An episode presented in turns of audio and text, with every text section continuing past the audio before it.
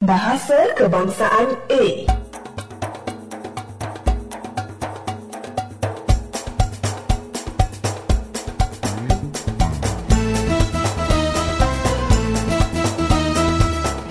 Apakah yang anda faham mengenai ayat?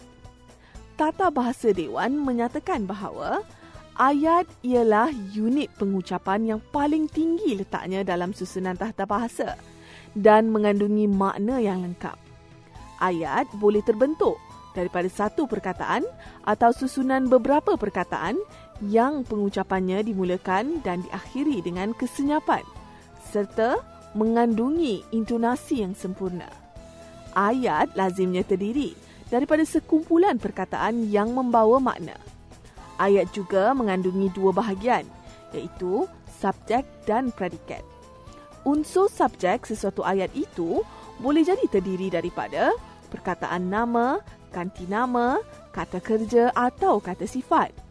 Subjek adalah mengenai sesuatu hal, manakala predikatnya pula perihal atau cerita mengenai subjek tersebut.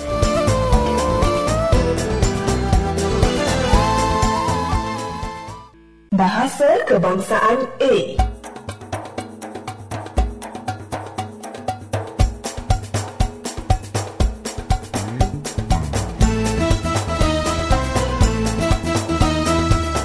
Apakah yang anda tahu tentang binaan ayat?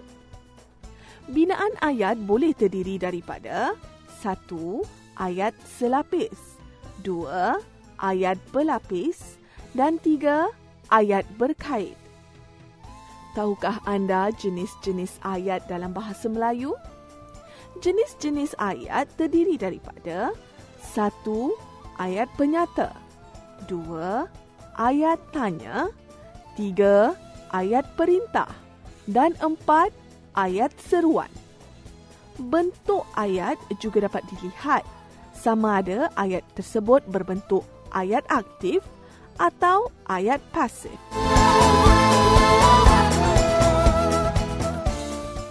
Bahasa Kebangsaan A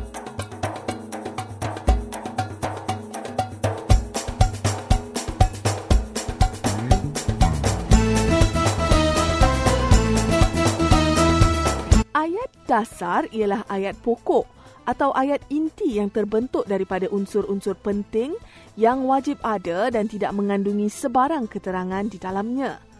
Setiap ayat dasar mesti mengandungi satu subjek dan satu predikat. Subjek sesuatu ayat boleh terdiri daripada sama ada nama, ganti nama, kata sifat atau kata kerja. Ayat-ayat dasar boleh berdikari. Tanpa bantuan ayat-ayat lain, ayat dasar dapat memberikan gambaran yang jelas tentang perkara atau hal yang diperkatakan. Ayat-ayat dasar yang berbentuk ayat selapis dapat digabungkan dengan ayat-ayat lain. Ayat-ayat yang terdiri daripada gabungan dua atau lebih ayat dikenali sebagai ayat majmuk.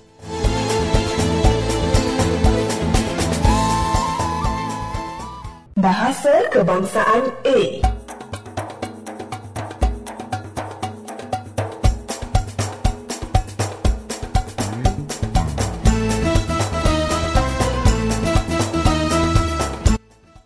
Bahasa Melayu mempunyai pola-pola ayat yang tersendiri. Kata kerja dalam bahasa Melayu tidak berubah bentuk sama ada dilakukan pada waktu sekarang atau pada masa yang lepas. Ayat-ayat dalam bahasa Melayu mempunyai pelbagai bentuk. Ayat-ayat itu boleh berbentuk ayat-ayat mudah yang merupakan ayat dasar yang terdiri daripada satu perkataan yang merupakan subjek dan satu perkataan lagi yang membentuk predikat. Ayat-ayat jenis ini dikenali sebagai ayat selapis. Ayat-ayat yang lebih panjang juga didapati di dalam bahasa Melayu dan dikenali sebagai ayat berlapis atau ayat majmuk. Selain itu, terdapat juga ayat-ayat yang dikenali sebagai ayat kecil dan ayat besar. Pola ayat dasar menjadi asas kepada pembentukan ayat-ayat yang lebih rumit seperti ayat majmuk dan ayat berkait.